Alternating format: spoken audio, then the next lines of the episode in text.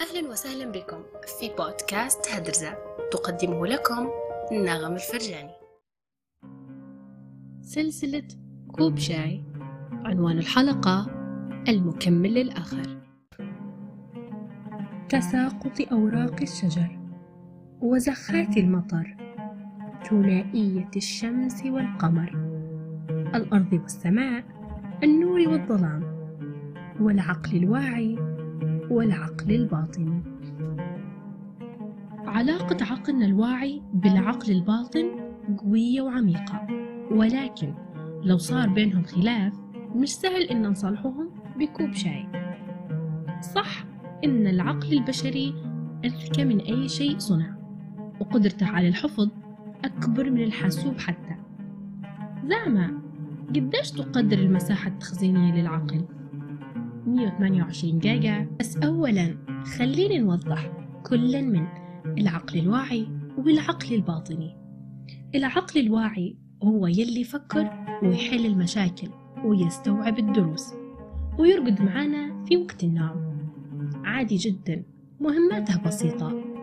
أما العقل اللاواعي أو الباطني هو الجزء الذي لا ينام فينا. كيف يا ترى؟ بصراحة نحب نشبه العقل الباطني بالبنزين والعقل الواعي بالسيارة لأنه حقيقي يلي نفكروا فيه وبيه هو جاي من مستودع العقل الباطني.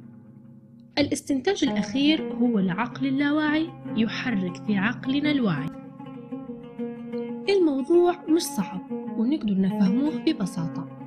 العقل الباطني يخزن كل ذكرياتنا وتجاربنا والمشاعر والأحاسيس وردات الفعل التي صدرت ولم تصدر. عقلنا اللاواعي مسؤول عن كل الحاجات المهمة ويدير المشهد نظرا لكونه ذكي. ولكن مش لأن العقل اللاواعي هو مسؤول عن كل شيء وذكي. يعني نترك زمام الأمور ليه؟ لأنه يظل لا واعي وهنا نقدر نطبق قوانين سيغموند فرويد أب علم النفس في كيفية الاستفادة من عقلك الباطني واستخدامه لصالحك. كما ذكرت في البداية عقلنا الواعي واللاواعي بينهم علاقة قوية ولكل منهما تأثير على الآخر. في لحظات نكون نفكر فيها حل لمشكلة ما ونجمع كل الأحداث والأفكار بس مع ذلك مش لاقيين حل. ولكن في لحظة ممكن كنتي تحكي فيها قصة لصديقتك. وقلتي إيه بالله كيف كانت غايبة علي؟ شفتوا لحظة التذكر المفاجئة هذه؟ تجيب بعد تراكم كمية كافية من المعلومات لها صلة بعقلك الباطني. وهنا بعد كم المعلومات الهائل هذا نتوصل للنتيجة؟ مع أن عقلك الواعي مشغول بشيء تاني تماما ولكن ديناميكية عقلك اللاواعي تشتغل دائما في المواضيع يلي تشغل بالك.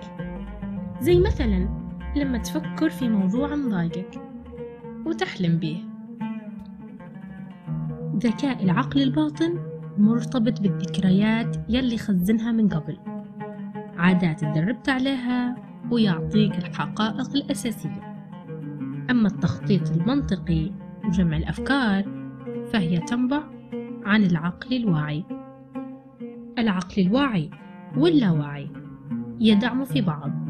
الأول يتعلم والتالي يقوم بالتخزين وإعطاء الأوامر. فلما تسأل شو النوع المفضل من الشاي؟ تجيب نفسك أكيد الشاي الأحمر. هل تخيلت في مرة كيف ممكن تكون حياتك لو العقل الباطني مش موجود؟ فهمك للعقل الباطني يزيد من فرصة سيطرتك عليه والتحكم فيه لأنك لما تفهم آلية عمله تقدر تبرمج عقلك الباطني لأي تصرف أو فعل تريد القيام به في تجربة أجريتها على نفسي قبل ثلاثة شهور في وقت العطلة أوهمت عقلي الباطني إني لازم نفيق على الساعة سبعة الصبح لأن عندي شغل مهم. في أول يومين فشلت ولكن هذه التجربة في الأخير نجحت ولمدة أسبوع أوهمت عقلي وقدرت نتحكم فيه. عشان تتحكم بعقلك الباطني وتسخره لتحقيق نجاحات لازم اختيار هدف ويكون عندك الرغبة في تحقيق هذا الهدف. وقد تدخل.